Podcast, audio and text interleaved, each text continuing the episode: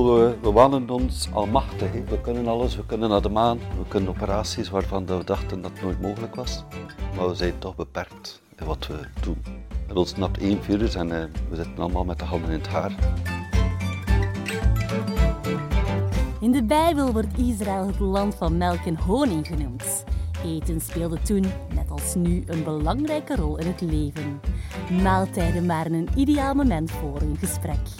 Vandaag de dag vertellen mensen nog even graag verhalen rond de tafel. Ik koppel het nuttige aan het aangename en zoek praatgrage gasten op in hun keuken. Op het menu staan boeiende geloofsgesprekken terwijl we werken aan een hemels hapje. Ditmaal heb ik een afspraak met Chris Tavernier. Chris is hoofdverpleger in het AZ Sint-Jan ziekenhuis in Brugge.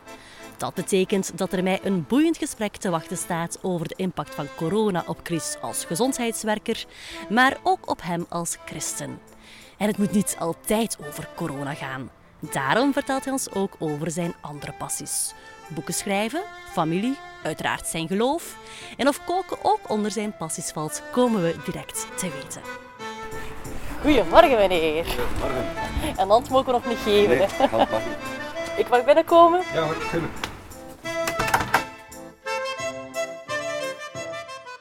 Chris, zoals meestal start een melk- en honingaflevering direct in de keuken of hier aan de eettafel. En ik dacht, laten we misschien niet per se een bijbelshapje bereiden, eh, want dat is niet altijd zo gemakkelijk te achterhalen of dat al dan niet bijbels is. Maar het is wel een traditioneel Joods recept en het noemt garoset, als ik het juist uitspreek. En nu vraag ik me af, ben je eigenlijk iemand die graag in de keuken staat of ben je meer iemand die graag het lekker eten opeet? Meer het tweede deel. Ik kom weinig in de keuken. En als ik in de keuken kom, is het voor eh, macaroni en omelet. En dat is zo ongeveer mijn kookkunst. Dat kan ook heel lekker zijn. Hè? Ja, dat wel. Ja. Eh, misschien kan jij even al opsommen welke ingrediënten we daarvoor nodig hebben met de hoeveelheden erbij. Een kop en half gehakte noten van eh, amandel, walnoten en hazelnoten. Eetlepel suiker of honing. Staat er ook, de honing. Ja. 1 à 2 koppen gehakte of geraspte appels. En dan eh, kaneel, een halve eetlepel. ja. Hebben we ook. En dan zoete wijn. eh, die staat nog in de vril. Eh, misschien ook even vermelden dat garoset een spijs is die door de Joden tijdens het Pesachfeest wordt gegeten. Dus de herdenking van de Joden uit Egypte. Dat even terzijde.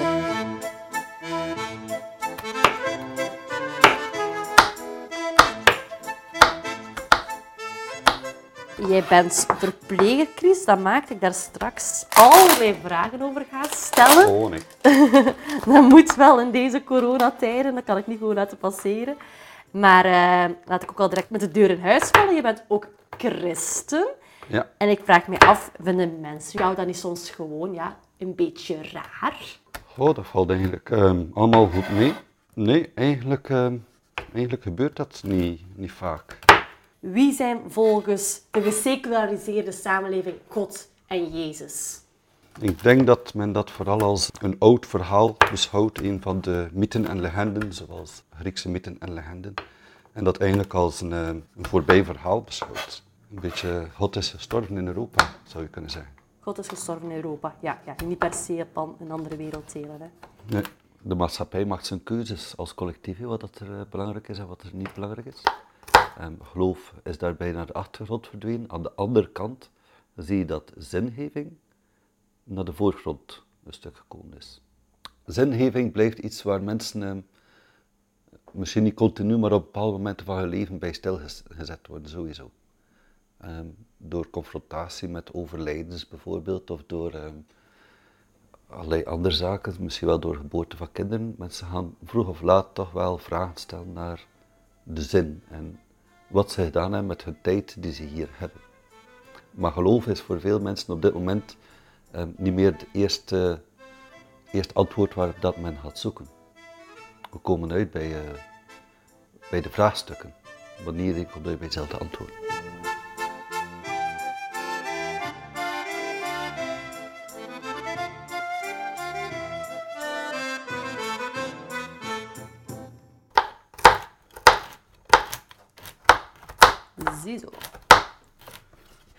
Voilà, Chris, ik heb hier net de amandelnoten in stukjes gedaan. Jij bent bijna klaar met de hazelnoten. Ja.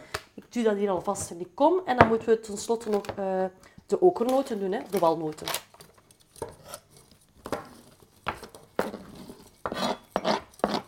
Ziezo. Dan moest er een beetje suiker en een beetje honing bij. dacht ik. Ja. Nu gaat het plakken hoor, Chris. Zo. En dan zullen we ons nu even in de living installeren om een beetje jouw leven als verpleger in coronatijden onder de loep te nemen. Wat was dat allemaal?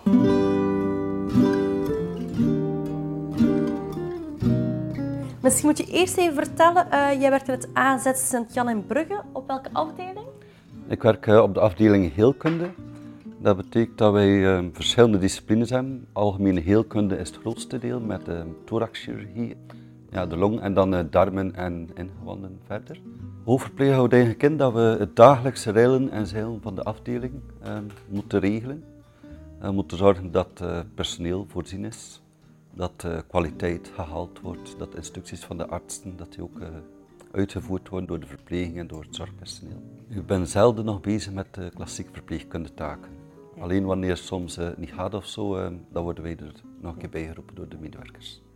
Eh, die oorlogsvergelijkingen die de laatste maanden in de media getrokken zijn als het ziekenhuis als de frontlinie, zijn die overdreven of zijn die net terecht?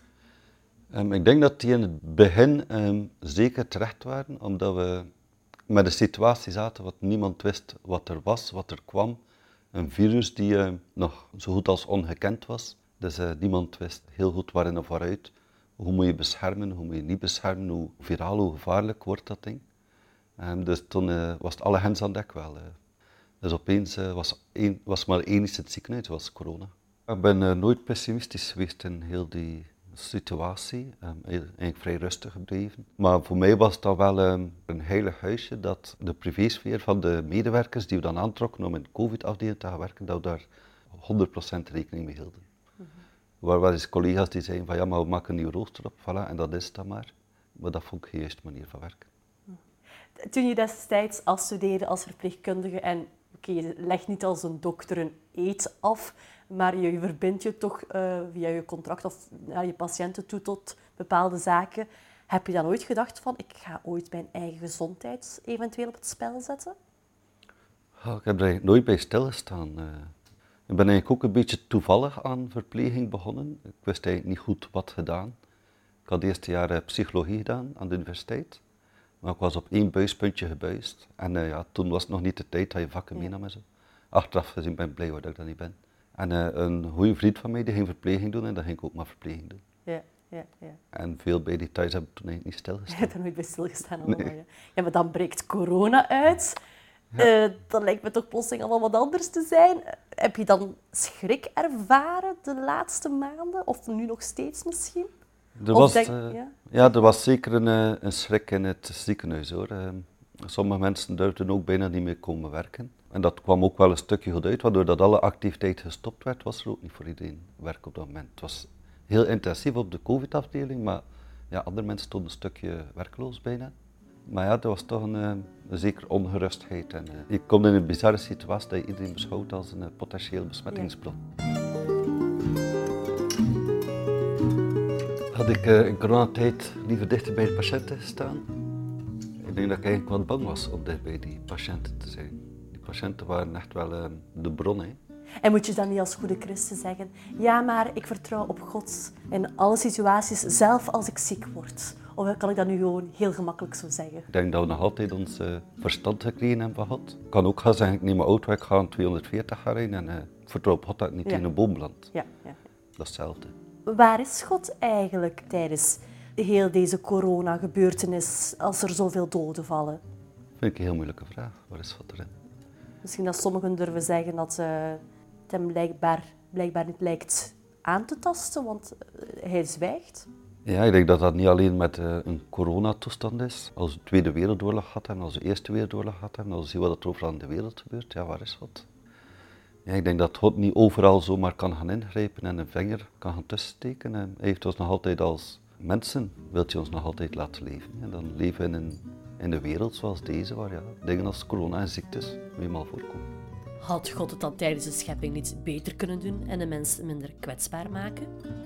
Ehm, ik denk dat we de Zwarte Piet niet naar God moeten gaan doorschuiven. Als we kijken wat we gecreëerd hebben, een maatschappij, uh, massale voedselproductie, chemische stof waar dat we voortdurend mee bezig zijn, allerlei vervuiling, ja, dan denk ik niet dat we de Zwarte Piet naar God moeten doorschuiven, maar eerst eens in eigen boezem mogen gaan kijken. Het is gemakkelijk om iemand schuld te geven die je niet gelooft dat hij bestaat. Ja, dat is niet, dat is niet cynisch, dat is gewoon realistisch. Ja, wanneer, het, uh, wanneer alles goed gaat, bestaat er geen God. En uh, ja, wanneer het slecht gaat, is dat opeens alles Godse schuld. Niet erg, erg consequent in denken. Ik vraag me ook af, ga je dan als christengezondheidswerker andersom met de patiënten of al jouw taken dan jouw collega die niet christen is? Wat voor mij persoonlijk vooral een rol speelt, is die Bijbelse principes toepassen. Wat telkens nieuwe kansen geven aan medewerkers. Altijd vriendelijk proberen te blijven. Dus dat zijn dingen die, die de collega's ook doen. Dan is dat eigenlijk iets inherents aan uh, zorgmedewerkers, anders doe je het gewoon niet. Ik denk, uh, er staan heel veel goede mensen in de zorg die ook vanuit uh, uit, zorg voor patiënten werken. En daar verschilt uiterlijk niet zoveel met wat ik doe. Alleen is mijn basis ervoor anders. Geloof je in de maakbaarheid van de wereld en dan specifiek in de maakbaarheid van de gezondheidszorg? Wat bedoel je daar precies mee? Dat uh, veel mensen stellen dat de mens tot alles in staat is en over alles controle kan krijgen en alles kan verwezenlijken? Ik geloof niet dat de mens ooit in staat zal zijn om ons lichaam uh, onbeperkt gaande en draaiend te houden. Ik denk zelfs dat we daar nu al veel te ver in gaan. Ik bedoel, we, we wanen ons uh, almachtig. We kunnen alles, we kunnen naar de maan, we kunnen operaties waarvan we dachten dat het nooit mogelijk was. Maar we zijn toch beperkt in wat we dat bewijst denk ik dit virus ook wel dan. Ja, inderdaad. Ja, ja, ja, Er ontsnapt één virus en uh, we zitten allemaal met de handen in het haar. Ja. En krijg je het onder controle? Ja, dat zal wel onder controle komen. Iets dat weinig in de media kwam, was dat corona niet enkel een impact had op de gezondheidszorg, op toerisme, op de horeca en dergelijke, maar ook op de kerkbeleving, want kerkdiensten mochten lang niet fysiek doorgaan. Dat is uiteindelijk ook nooit gezien. Hoe zat dat dan met, met jouw kerk en andere kerken? Uh, ja, de kerk werd natuurlijk ook uh, on hold gezet. Uh, alle activiteiten werden geschrapt, bijbelstudies worden geschrapt, de zondags eredienst wordt geschrapt. In het eerste moment viel alles gewoon stil. En was het even zoek wat we gingen doen. Nu uiteindelijk hebben we een Zoom-dienst opgestart bij ons in de kerk, waarbij dat we elke zondag een Zoom-dienst doen. En eigenlijk verloopt de dienst voor een groot stuk zoals we dat normaal deden. Maar dat kan toch nooit hetzelfde zijn, denk ik, dan die sociale contacten. Ook gewoon die digitale belemmeringen, als er iets fout loopt. Hoe ging dat dan? Hoe ervoer jij dat dan? Ja, je, je bent elkaar een stuk kwijt. Maar aan de andere kant ben je blij dat je via dat digitaal kanaal toch nog contact hebt met elkaar, want anders heb je niks meer. Ja. En uh, het is allemaal wat anders en een stuk moeilijker concentreren en beleven, vind ik maar toch wel positief dat we nog uh, met elkaar contact kunnen hebben, samen kunnen nadenken over dingen in de Bijbel. We hebben nog altijd iemand die dingen brengt uit het woord, uit de Bijbel, een preek. En, en wat verkies je dan, de fysieke diensten of de digitale? Absoluut de fysieke dienst. Toch de fysieke dienst, oké.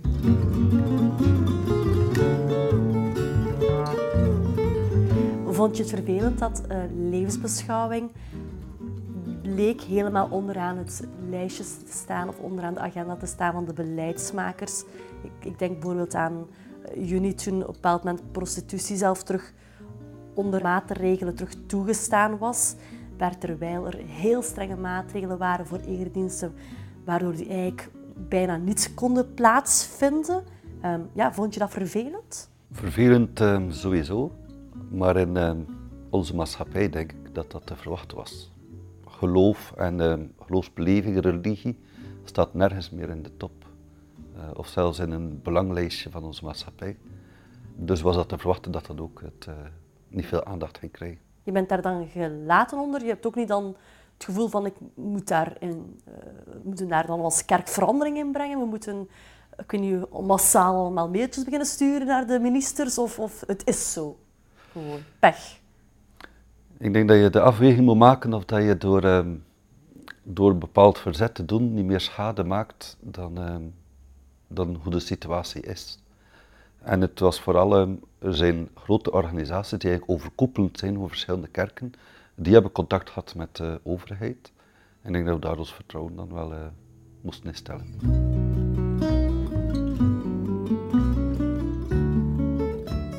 Hebben mensen meer nood aan religie in coronatijd? Denken mensen dan meer na over de grote levensvragen dan specifiek de dood? Ik denk dat mensen wel een stuk gaan nadenken zijn over het leven en de kwetsbaarheid van het leven. Maar of dat uh, de knik gemaakt wordt naar uh, zou er een God zijn, weet ik niet of dat, dat direct gebeurt. Wat dan toch eigenlijk een beetje contradictorisch is bij wat je zou verwachten. Ik denk dat dat iets is wat we gezien hebben. Het ging voortdurend over uh, cijfertjes, over statistieken, over evoluties, um, over regels die moesten opgelegd werden. Um, maar er is heel weinig aandacht geweest voor um, emotioneel en psychisch welbevinden in die tijd. Dat is eigenlijk maar een stukje later gekomen en vooral door, door individuele personen. Maar als overheid en nog altijd vind ik dat je dat ziet in de maatregelen, hoe dat die benaderd worden, ja, het blijft prioritair dat statistieken goed blijven. Ja. En dat lijkt het belangrijkste te zijn. Ja. Wat dat de beleving is van mensen, eh, als je denkt aan de rusthuizen. Ik las laatst is, eh, we gaan niet dood in een rusthuis, maar we leven ook niet meer. En dan moet je toch wel vragen stellen dat je mee bezig bent, denk ik. Vind je dat een gemis als iemand die veel met levensbeschouwing bezig is, dat je dat niet terug ziet in wat de media brengt? of wat de overheid eh, op allerlei fronten zou kunnen aanmoedigen? Ja, ik denk dat het wel meerwaarde zou zijn als de pers daar ook wat meer aandacht voor had. Ehm, dat in zo'n situatie als corona, dat je eigenlijk alle facetten van het leven gaat belichten, of een keer aan het woord laat of uh, iets overbrengt. Ik denk wel dat het veel beter zou zijn voor de mensen in het algemeen. Ja. Oké, ehm, terug naar de keuken dan, Chris, of naar de eettafel om verder het hapje te bereiden, namelijk deel 2 van onze Garo-sets.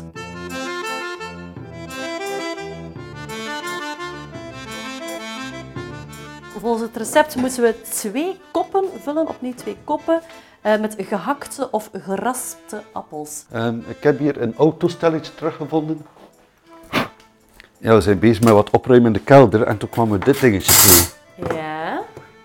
Dat hoort hier ergens.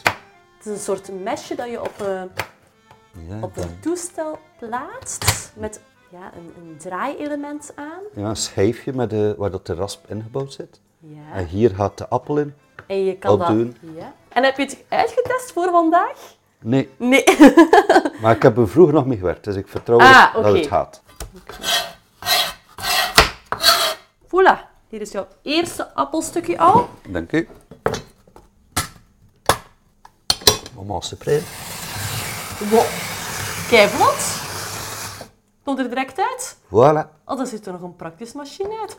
ja. Het zijn gelijk, ja, geraspte worteltjes. Maar dan geraspte appeltjes met zo van die lange sliertjes. Ik haal de wijn ook. Ja, een exacte hoeveelheid staat er niet bij. Maar um, we moeten er wijn aan toevoegen tot het geheel zo dik is als metselspecie. Jij mag de wijn doseren.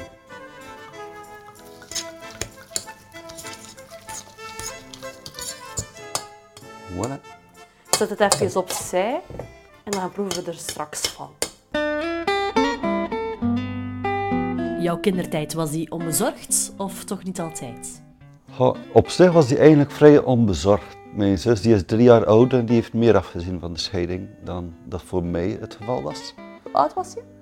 Um, net na eerste communie, dus ja, echt, ergens zes, zeven was dat. Ja. En het is ook wel zo dat mijn moeder een tijd daarna is dan uh, ook hertrouwd. En dan, toen heeft ja, mijn stiefvader eigenlijk de rol van vader in huis opgenomen. Hij heeft dat ook heel goed gedaan. Tegen dat ik toen wat ouder was, ja, was ik weer gewoon aan eigenlijk een een gezin in huis met vader, moeder, kinderen. Dus jouw moeder hertrouwde, veranderde dat dan de band met jouw vader? Nee, eigenlijk niet. Maar de band met mijn vader, wij hebben een, een goede band, maar we kunnen eh, elkaar lange tijd niet zien. En dan ook weer gewoon uh, elkaar intensief wel weer zien. En het feit dat, dat jouw vader dan af en toe afwezig was, ik zou denken dat sommige christen, je bent christen, dan net in, in God misschien een, een vervangvader zouden kunnen vinden. Maar ik begreep van jou in een voorgesprek dat dat dan net niet zo was. Mijn beeld van, van de Hemelse Vader is uh, iemand die er altijd is, maar ik weet niet altijd wanneer. Ja. Klinkt een beetje raar. Je hebt mensen die zeggen van ja, ik ervaar God uh, dagdagelijks. Ja, dat is bij mij niet het geval. Dus geloof gaat niet altijd continu hand in hand met gevoel en ervaring. Er kunnen ook gewoon doodsere momenten dan zijn. Doodser zou ik ze niet noemen. Je kunt het vergelijken met de huwelijk. Hè? Man en vrouw zijn altijd man en vrouw. Maar dat betekent niet dat elk moment even intensief is als het ander. Maar als je het nog een beetje extremer doortrekt, ook in het gewone huwelijk, zijn er ook momenten dat het minder goed draait. Ja. Maar dan aan de dag van vandaag zijn daarom ook de scheidingen zo hoog. Mhm. Kan je dat dan ook doortrekken waarom er zo weinig mensen nog iets hebben met God? Omdat ze hem niet ervaren? Dat zou best kunnen zijn, maar ik denk dat we ons ook een realistisch beeld moeten uh, geven van hoe God met mensen omgaat. En als je mensen voortdurend aanpraat dat het maar normaal is dat je God 24 of 24 ervaart, als ik nu bid dat ik over vijf minuten antwoord heb, dan creëer je een verkeerd beeld. En dan kom je natuurlijk mensen tegen die onthoogd zijn daarin. Is geloven weten of voelen? Ik denk dat geloven een combinatie is van weten en voelen. Mijn vader blijft altijd mijn vader, dat weet ik. Er is niks die daar iets kan aan veranderen. En op bepaalde momenten heb je veel meer die vader-zoon relatie en gevoel dan dat het op andere momenten is. Ik denk dat het heel natuurlijk is dat het gevoel niet altijd stabiel blijft. Dat kan ook niet, anders zou het geen gevoel zijn. Vele religies gaan ervan uit dat toeval niet bestaat. Bepaalt God dan jouw hele leven? Ik denk dat we als gelovigen het best fijn zouden vinden en ook soms ook wel zo denken dat God ons leidt als op het treinspoor van stationnetje naar stationnetje en stationnetje. En dat, uh, dat zou het allemaal wel duidelijk zijn. Ik geloof veel meer dat God in staat is om met ons om te gaan alsof dat we op een 12-baansvak zitten. En dan mogen wij ook wel een keer kiezen of dat we naar baanvak links, naar baanvak rechts. Op dat 12-baansvak hebben we alle ruimte. Dat wil niet zeggen dat we een afslag moeten gaan nemen helemaal weg. Het is niet zo dat hij uh, voor elke dag onze agenda invult. Als we meer zijn natuur, zijn karakter, zijn eigenschappen ons eigen maken, dan maakt het niet zoveel uit wat je doet. Ik wil graag vier stellingen voorleggen, Chris, die jij mag bevestigen of ontkrachten. Laten we beginnen met de eerste. Geloven, dat is toch eigenlijk voor oudere of oude mensen? Ontkrachten. Als je geloven ziet als een volgen van bepaalde rituelen en regeltjes, dan zou ik zeggen, oké, dat is iets voor oude mensen. Maar als, je als geloven een, ja, een prikkelend, levend onderdeel is van je leven, dat is voor iedereen. Geloof en verstand, gaat dat niet moeilijk samen? Geloof en verstand gaan heel goed samen. Gelukkig voor mij anders elk probleem. Ik denk dat je al je verstand dat je hebt mag gebruiken in je geloof. Je hoeft niet alles zomaar klakloos aan te nemen wat er gezegd wordt. Je mag onderzoeken, je mag Bijbel onderzoeken, je mag de fundamenten onderzoeken. Is de Bijbel betrouwbaar? Hebben we enig bewijs voor het bestaan van God? Dat zijn dingen die ik uh, puur verstandelijk benader. God bestaat niet omdat ik een bepaald gevoel heb. God bestaat omdat ik vanuit schepping, vanuit betrouwbaarheid van de Bijbel, vanuit geschiedenis, daaraan kan zien dat het niet anders kan dan dat God bestaat. Hoe komt het dat dan niet iedereen tot die conclusie komt? Omdat niet iedereen dat onderzoekt waarschijnlijk. Het kost je ook iets. Hè? Als God bestaat, ja, dan hou je ook rekening met God. En misschien wil iedereen die keuze maken. En toch zijn heel veel wetenschappers, voor zover ik weet, niet per se christen. Nee, dat klopt. Maar als je kijkt hoe wonderlijk het is, dan vind ik dat je heel veel geloof nodig hebt om te geloven in Big Bang en wat evolutie. Ja, kan ik veel beter bij dat er iemand is die bewust gemaakt en gecreëerd heeft. Uh, hoe ver je ook komt, moet je altijd weer tot de vraag komen: en wat was er voor? Ja, maar dan zullen uh, mensen zeggen: waar was God dan? Hè? Je moet toch ook ergens vandaan komen? Dat is waar. Die vraag mag gesteld worden, maar uh, ik denk dat niet elke vraag ook kan beantwoord worden. Er zijn nog altijd maar mensen. En sommige dingen blijven een mysterie, dat is waar. Derde stelling. Zijn kerken niet te conservatief? Je hebt natuurlijk uh, honderden soorten kerken. Hè? En je hebt kerken van ultra-conservatief tot ultra-progressief. Is conservatief dan negatief en progressief positief? Conservatief en progressief kunnen alle twee positief zijn en kunnen alle twee negatief zijn. Als je conservatief bent in de zin dat bepaalde waarden overeind moeten blijven staan, is positief. Als je conservatief bent in de zin dat een ritueeltje dat misschien ooit ergens ingesteld is, moet blijven bestaan, is negatief. Weet bijvoorbeeld, uh, vroeger was er een kerk en die lei altijd op het uh, op brood en de wijn, daar lag altijd een doekje over. En dat doekje moest daar altijd liggen. En dat komt uit de voorgeschiedenis dat men in een schuur samenkwam. En als dat klaargezet werd, er viel daar stof en van alles naar beneden. En daarom lag dat doekje daarop. Als zoiets, zo'n doekje wordt tot een heilig reliquietje als het ware, ook al zit dan in een modern kerkgebouw, dan is eh, conservatief niet goed. Maar als het gaat over de waarden overeind houden, vind ik wel goed. Laatste stelling, Chris. Mag je in slaap vallen tijdens de kerkdienst? ja, van mij mag je best een keer in slaap vallen tijdens de kerkdienst. Waarom niet? Je had me op voorhand verteld dat het is was gebeurd in jouw kerk. Dat kan gebeuren en dat mag ook gebeuren. Dan zit jij niet in een niet al te conservatieve kerk, veronderstel ik. Nee. Wordt de grens bij snurken getrokken? Dan krijg je elleboogstoot. Dan krijg je elleboogstoot. Een boze blik van de voorganger.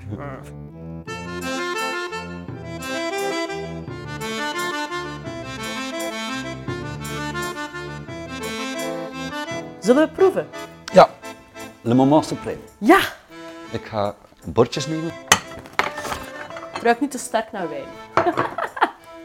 Nee, kon ook nog een stelling zijn. Drinken en geloof gaat dat samen. En ja, het laatste avondmaal, dat is wijn drinken. Hè. Ja, tuurlijk. Dankjewel.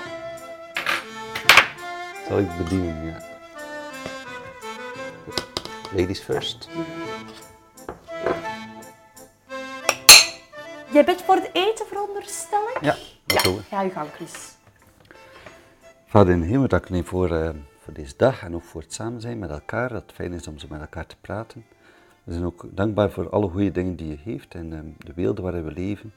Ehm, en eten is daar ook een van. Dank u wel voor het eten dat voor ons staat. Dat we daar mogen van genieten en dat het goed is voor ons lichaam. Amen. Vind het wel lekker, er zit een zoete touch in, maar die noten die maken toch weer eh, mooi in balans. Ja, ik ook. En wijn, maar niet te veel wijn. Hè? Mhm. Jij bent ook schrijver van bijbeldeskundige boeken. Wat houdt dat in? Bijbeldeskunde, wat een woord. Hoe moet ik het omschrijven volgens jou? Ja, het mag wel bijbelstudie genoemd worden. Ja. Het is, ehm, ik ben, ben geen theoloog. Ik heb nooit geen ehm, theologische opleiding genoten of zo. Ehm, ik ben meer een autodidact. Maar ja, ik, eh, ik heb inderdaad ja, een aantal eh, boeken geschreven en een goed stel artikelen. En die zijn allemaal met een bijbelstudie in slag. Ja. En wat moet ik mij daar dan bij voorstellen? Dat, er, dat jij pakt dan een stuk uit de Bijbel dat jou interesseert en schrijft dan daar rond jouw gedachten, ideeën, filosofieën. eh, Het is eh, vooral gericht op eh, bijbelstudie, uitleg zo van wat betekent dit, Eh, wat is de achtergrond van bepaalde dingen, wat is de cultuur eh, toen, waarom wordt iets geschreven en wat betekent het. Ja. Zijn dat dan bestsellers in de christenwereld? Ehm, dat weet ik niet, of dat dat bestsellers zijn. Het zijn geen bestsellers, want de bestsellers die komen vanuit vertaalde werken, meestal vanuit Amerika en Engeland.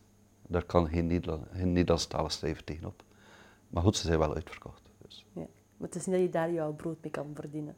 Nee of wil verdienen, ik weet het niet. Ja. Je brood ermee verdienen, dat komt er absoluut niet van. Nee. Als je zoals, zoals je jezelf omschrijft, autodidact, theoloog, regelmatig de Bijbel leest en van binnen en van buiten begint te kennen, zijn er dan niet zo momenten dat je soms begint te twijfelen? Want uiteindelijk staan er toch ook wel zeer bijzondere, vreemde, bizarre verhalen in de Bijbel. Hè? Ja, er staan zeker heel eh, bizarre zaken in. En ja, er zijn ook dingen dat we, allee, ik toch niet begrijp of geen verklaring voor heb. Of niet weet waarom dat het zus of zo moest gaan. Eh, maar goed, dat heeft dat er nog eh, veel te bestuderen valt en veel te lezen valt. Het is niet dat dat voor jou twijfel eh, of kantelende mensen brengt. Nee, nee, in tegendeel, het geeft mij eerder um, houvast, bevestiging van wie God is en hoe hij handelt. Ook al begrijp je niet altijd. Je hebt nooit geworsteld met je geloof? Jawel. Ja, zeker in de puberale jaren en uh, ja, ik durf ook wel zeggen op, uh, op andere momenten. Natuurlijk wel soms uh, ook wel een keer van ja, is allemaal wel echt? Of beeld ik mij wel dingen in? Dan is net dat studeren en dat zien van hoe de Bijbel in elkaar zit, zelfs helemaal naar de basics teruggaan van is de Bijbel eigenlijk wel een betrouwbaar boek? Nadenken over schepping, ja. zou het toch allemaal Big Bang en evolutie kunnen zijn, die dan uiteindelijk een stabiliteit teruggeven heeft. Ja, want het zou wel een serieuze sisser kunnen zijn als je op het einde van je leven ontdekt van ja, maar alles waar ik zo verstond, waar ik in geloofde, blijkt allemaal niet waar te zijn. Dat zou zielig zijn, hè? Dat zou zielig zijn, ja. Nee, uh, er is genoeg uh, bewijs.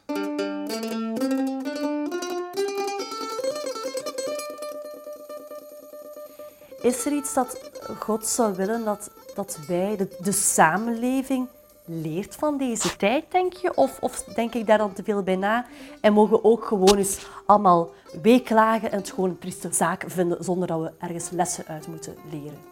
Uh, ik denk dat we moeten oppassen om te zeggen dit is nu iets wat God gedaan heeft of iets wat God op die manier gaat gebruiken, zus of zo. Um, God denkt nogal anders dan dat wij dat denken. En wij willen nogal graag uh, als mens wel bepalen wat God gaat doen of wat er moet uitgeleerd worden. Maar ik denk dat we daar heel voorzichtig moeten mee omgaan. Heeft deze crisis voor jou als verpleger, maar ook voor jou als mens in het geheel ook positieve effecten gehad? Ja, ik denk het wel. Uh, weet je, je zit allemaal een beetje op je eigen eiland in een ziekenhuis. Je hebt allemaal zo je eigen afdeling, je eigen vaste medewerkers. En opeens kom je in contact met medewerkers over heel het ziekenhuis, doordat er eigenlijk een totaal nieuwe dienst, COVID-diensten op een bepaald moment, tot drie diensten uh, opgericht worden.